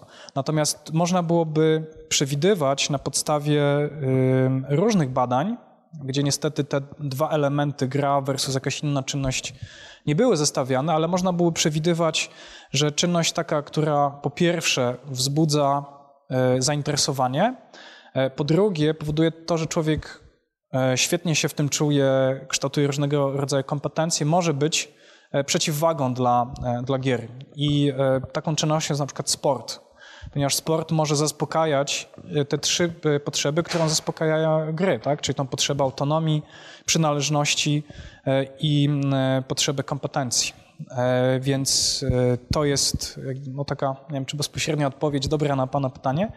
E, A trzecia kwestia dotycząca e, E, Tak, kształtowalności samokontroli. Okazuje się, że to jest czynnik, który jest bardzo mocno kształtowany biologią, czyli można powiedzieć pewnymi predyspozycjami, na przykład temperamentalnymi. E, Były badania MOFID robione z udziałem e, bliźniąt i okazywało się, że jeśli bliźnięta po porodzie były na przykład rozdzielone, jedno było wychowywane w e, na przykład w warunkach bardziej ubogich, drugie było wychowane, wychowane bardziej w warunkach takich no, e, bogatszych, to okazywało się, że efekty, które później uzyskują po iluś latach, e, były bardzo podobne. Czyli na przykład, mimo że e, jedno dziecko było wychowywane w warunkach e, bardzo ubogich, to e, zasobność e, danej osoby, bliźniaka, była relatywnie dużo większa niż zasobność otoczenia i podobnie w warunkach, kiedy dziecko było wychowywane przez bogatych rodziców, więc to jest czynnik. Natomiast, natomiast podkreśla, że istnieją pewnego rodzaju konkretne działania, które w jakim stopniu modyfikują samokontrolę. E, To są przede wszystkim takie działania, które e, są związane z e, poprawą funkcjonowania, takie, które są związane z realnym wysiłkiem, który człowiek może podejmować. On, ona pokazuje, że takim wysiłkiem to jest na przykład sport, ponieważ sport powoduje, że z jednej strony człowiek musi coś zaplanować, musi coś systematycznie wykonywać, ale też musi znosić pewnego rodzaju dyskomfort i różnego rodzaju negatywne konsekwencje aktywności fizycznej. E, I to w konsekwencji zmusza i modyfikuje, e, modyfikuje e, funkcjonowanie mózgu. Ona też mówi o na przykład, jeśli dobrze pamiętam, o grze na instrumencie, ponieważ uczenie się gry na nie wiem, gitarze, na fortepianie i tak dalej powoduje to, że bardzo wiele rejonów mózgu jest w tym czasie aktywnych e, i to powoduje, że e, sama ta aktywność jakby zmusza mózg do neuroplastyczności. Tak? Czyli muszą powstawać nowe połączenia pomiędzy komórkami, poszczególne części mózgu odpowiedzialne za słuch, za kontrolę ruchów, muszą się intensywnie ze sobą komunikować. W związku z tym człowiek staje się później jakby przygotowany do, do pewnych wyzwań e, stawianych przez rzeczywistość na co dzień, e, takich jak na przykład kontrola zachowania, hamowanie agresji i tak.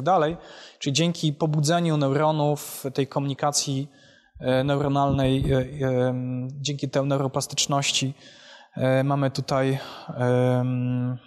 jakby taką wyższą zdolność i pokonywanie e, pewnych predyspozycji biologicznych, pewnego programu. E, Czyli innymi słowy, elastyczność istnieje, e, jej w, e, wpływ biologii na samokontrolę jest nieco większy niż, niż środowiska. O, może E, Też chciałabym, żeby Pan poruszył ewentualnie kilka kwestii, bo e, szczerze mówiąc, po tym całym wykładzie to taki obraz bardziej demonicznych gier tutaj się jakby wybił. E, Zwłaszcza, że mówił Pan na początku, że powie też o pozytywnych aspektach. Aha. A właściwie nie za bardzo zauważyłam jakiekolwiek pozytywne tutaj, poza ewentualnie e, tym, że gracze komputerowi lepiej wypadają w trudnych zadaniach, jeśli chodzi o uwagę. Więc jakie mógłby Pan wymienić jeszcze pozytywne bardziej aspekty Aha. grania w gry komputerowe? E, To jedna rzecz. A druga rzecz to E, Mam wrażenie, że tutaj doszło do takiej dużej generalizacji. Jako gry komputerowe to głównie mówił Pan o grach tych takich e, z aspektem przemocy typu. Counter-Strike i, i Tak. inne. Mm, Ale nie zapominajmy, że gier komputerowych, rodzajów gier komputerowych jest mnóstwo. I też nawet patrząc na e, to badanie, które Pan pokazywał, bodajże Hala, nie wiem czy dobrze czytam, Hall, mhm. Hall. E, Wydaje mi się, że tutaj bardziej interesujące były różnice nie wśród osób, które e, często grają w gry komputerowe i jak to się przekłada na uzale- tam e, al, Aha. jakby używany alkohol i tak dalej, co różnice pomiędzy osobami, które grają w gry komputerowe, ale nie w te takie, czynnik, w których jest duży czynnik przemocy, a osobami, które w ogóle w nic nie grają.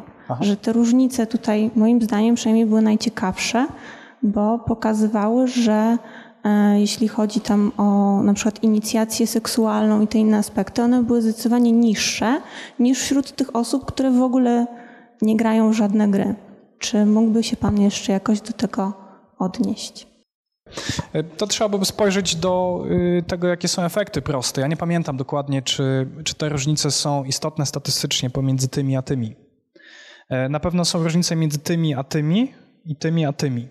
Trzeba by zobaczyć do, e, do artykułu, jak, jak to wygląda. E, Ale oczywiście to jest, y, to jest kwestia dość ważna, mianowicie o jakich grach mówimy. E, Tych e, badań dotyczących gier e, brutalnych jest znacznie więcej, ponieważ e, one są bardziej popularne, więcej ludzi, tak? Chciałbym też powiedzieć tutaj, że jeżeli chodzi o badania na temat innych gier brutalnych, w zasadzie to do- dopiero w 2013 roku zaczęły się mniej więcej na Tak, jeżeli chodzi o e, to, jak pozytywnie wpływają gry wideo, w dużym skrócie, e, po pierwsze, e, rozwijają zdolności manualne, to z takich rzeczy pozapsychicznych. E, I przykładowo chirurgom jest polecane granie po prostu na konsolach, tak? Z tego względu, że musi cały czas pamiętać ruchy rąk i to, to się faktycznie dobrze rozwija. Wielozadaniowość, jeżeli chodzi o gry Mhm. Czyli Real Time Strategy, StarCraft Warcraft na przykład, takie przykładowe.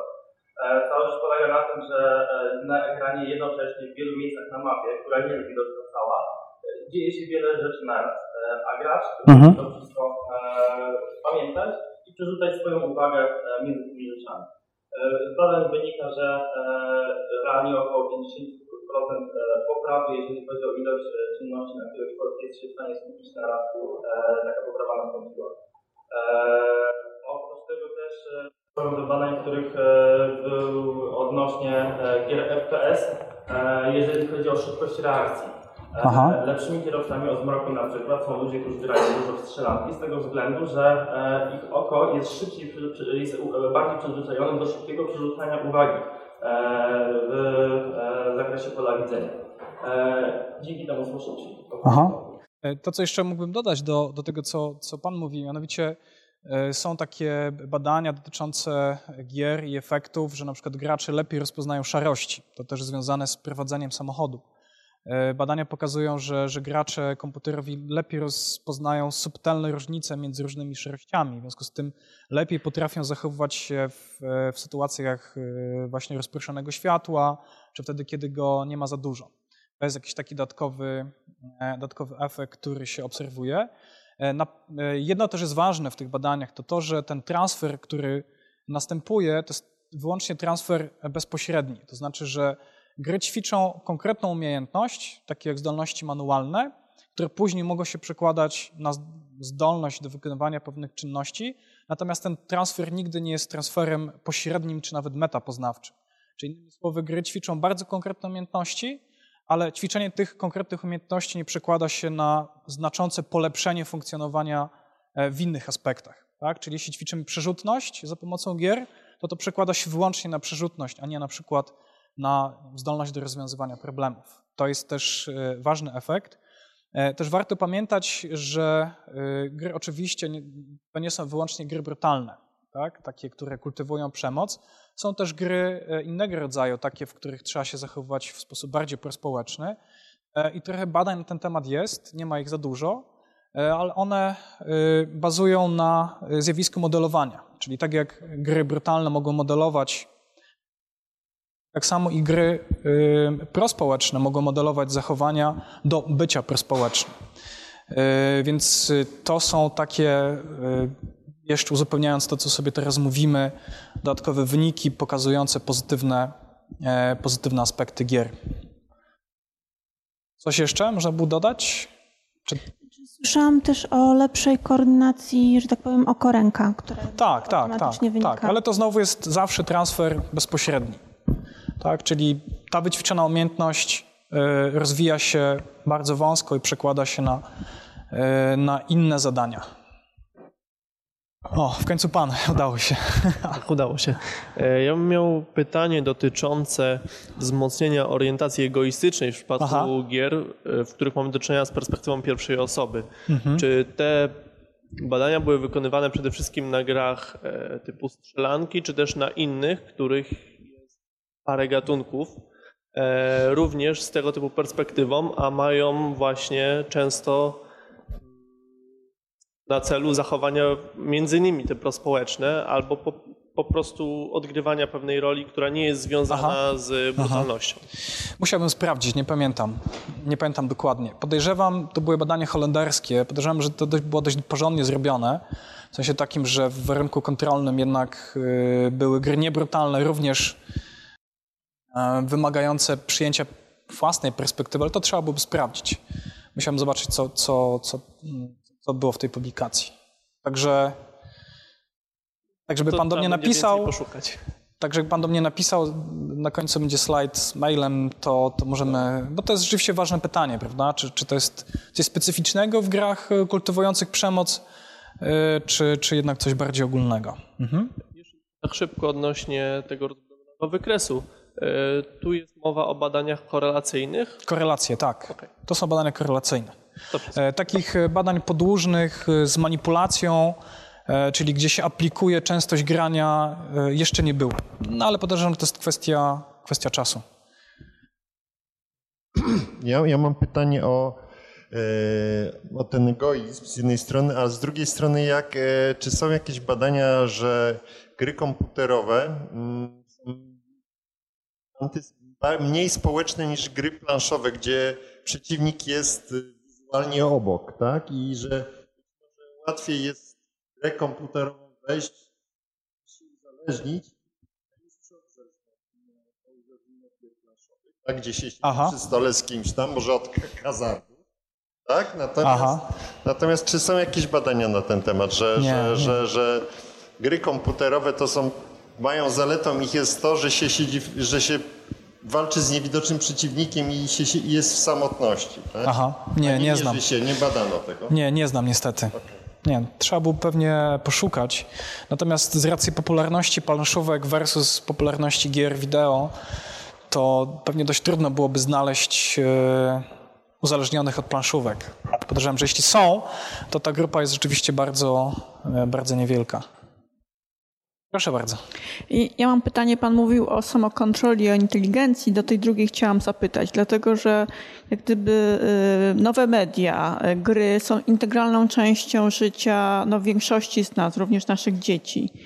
Y, I teraz inteligencja. Bazując na mojej wiedzy, 50% jest dziedziczone, 50% jest nabyte w procesie. I czy są jakieś badania, w jaki sposób internet, nowe media, szeroko rozumiane, czy gry mogą albo już wiemy, że wpływają na rozwój inteligencji? Nic tak nie przychodzi mi do głowy. Na pewno to było. Trzeba byłoby siąść, e, siąść i poszukać. e, Ale żeby odpowiedzieć na e, Pani pytanie inaczej niż mówiąc nie wiem, to trzeba byłoby sobie zdać sprawę z tego, że do rozwoju inteligencji potrzebna jest stymulacja.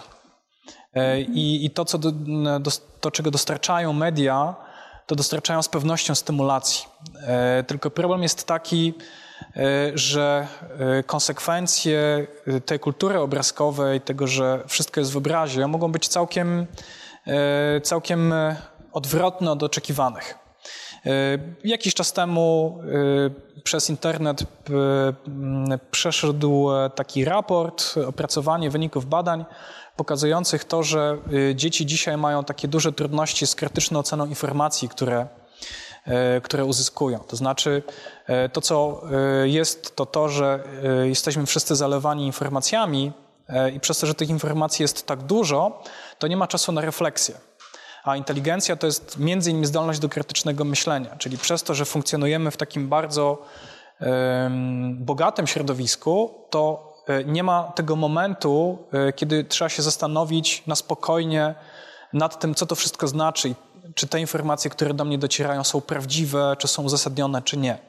E, I myślę, że to jest konsekwencja właśnie tego, że funkcjonujemy w takim strumieniu informacji, gdzie e, może się zdarzyć, że znacz- znacznie więcej czasu potrzeba w ogóle na przerobienie e, tego materiału, na zrozumienie, o co wszystko chodzi, a nie ma już miejsca na e, krytyczne myślenie. A jeśli nie ma miejsca na krytyczne myślenie, to e, ta ważna umiejętność, e, która konstytuuje inteligencję jako taką, przestaje się rozwijać, więc tu jest, tu jest problem. Bo moja hipoteza jest tak, że to nas właśnie ogranicza, a nie rozwija. No właśnie. Mhm. Tak, tylko to trzeba byłoby bardzo, bardzo mocno, bardzo mocno i dobrze rozplanować. Są na przykład badania dotyczące osób starszych, tu już odbiegamy od, od tematu, od dzieci, e, ale one pokazują, że y, korzystanie przez osoby starsze z komputera znacząco podnosi ich inteligencję. Nagle się okazuje, że zaczynają być aktywne obszary mózgu, te, które w, e, na co dzień nie są aż tak aktywne. E, Dlaczego? Dlatego, że komputer zmusza do solidnego wysiłku intelektualnego, jest czymś nowym, jest zadaniem, z którym e, osoby starsze się wcześniej nie spotykały, a wiadomo, że to, co jest nowe, to, co jest e, interesujące, e, zmusza ludzi, ich mózgi do tego, żeby prawda, zaczęły pracować, żeby poradzić sobie z danym, z danym zadaniem. Natomiast czym innym jest to, o czym, o czym Pani mówi, mianowicie ten problem zalewu informacji i, i tego, w jaki sposób ta olbrzymia dawka emocji wpływa na nasze funkcjonowanie intelektualne. Dobry gracz musi umieć się skoncentrować na tej grze, czyli teoretycznie e, gra powinna e, uczyć koncentracji. Jak to jest z dziećmi, które właśnie zaczynają grać, potrafią się skoncentrować na grze, ale czy również to wspiera jakoś rozwój koncentracji w życiu codziennym, to znaczy w szkole, czy wręcz przeciwnie, to zaczynają trochę nabierać e, cech dzieci ADHD, które się koncentrują na czymś innym, nie potrafią się skupić na niczym innym, bo czekają na tą grę. Więc Aha. czy to po prostu y, w ramach rozwoju tych różnych umiejętności również wzbogaca dziecko o tą umiejętność koncentracji, czy przeciwnie? Jeśli chodzi o, o to, w co najczęściej dzieci grają, ja zawsze jak mam jakieś warsztaty z nimi, e, to pytam, w co grają, e, to zazwyczaj są to gry akcji, E, a gry akcji nie wymagają skupienia. One być może wymagają skupienia na samym początku, wtedy kiedy trzeba, nie wiem, opanować zasady, chociaż one są zazwyczaj prawie takie same. E, Natomiast e, później trzeba przede wszystkim reagować impulsywnie, to znaczy Ale trzeba żeby być szybkim. reagować, trzeba się skoncentrować na tym, co się przed sobą widzi. Nie można się rozproszyć. Nie ma na to czasu w grach. Nie, zdecydowanie. Aha. Tak, tak, tak, zdecydowanie. E, mhm. No tak, ale, ten, ale grając pan się koncentruje, to znaczy nie słyszy tego, co się dzieje u sąsiadów, co, że tam gdzieś telewizor, bo się koncentruje na tym konkretnym. To jest, to jest takie skupienie raczej o charakterze y, wejścia w grę i bycia w tym świecie, niż takie skupienie czysto poznawcze. Takie, kiedy koncentrujemy się na znaczeniu sytuacji, kiedy dokonujemy jakiejś refleksyjnej analizy. Tak naprawdę w grze nie zawsze y, na to jest miejsce, chociaż ludzie są zatopieni w, grze. Mówi się o tak zwanej imersji w grze. Tak? To jest nawet jeden z wymiarów takich narzędzi badających zatopienie w grze. Y, Natomiast to, co gwarantuje przetrwanie i wysoki wynik w grze, to jest impulsywne, automatyczne reagowanie bardzo często, chociaż tak jak pan tutaj wskazuje, ten element strategii również jest ważny. Natomiast pytanie, czy to jest strategia długofalowa czy krótka? Ja myślę, że raczej krótkofalowa, ponieważ w grze się tak wiele i szybko zmienia, e, szczególnie w tych grach e, strzelankach, że, że nie ma czasu na jakieś głębsze strategie. Proszę bardzo. Dobra. Ostatnia myśl. Ostatnia myśl. Bardziej bym e, tutaj szedł w tą stronę, że koncentrację może ewentualnie by nam rozwinęły e, gry, które wymagają tego, żebyśmy ten proces myślenia nie wyrzucili z głowy, tylko zostawili go tutaj, tak? Czyli takie, Aha. takie gry, które wymagają nas pomyślenia nie teraz, za, za trzy sekundy, bo muszę go zdzielić, e, tylko będę musiał wysłać wojska, bo za godzinę gdzieś coś dotrze i tak dalej, tak? I bardziej staram się przewidywać i myśleć tutaj w głowie, a nie na zewnątrz. Okej. E, Dziękuję Państwu bardzo e, i do zobaczenia.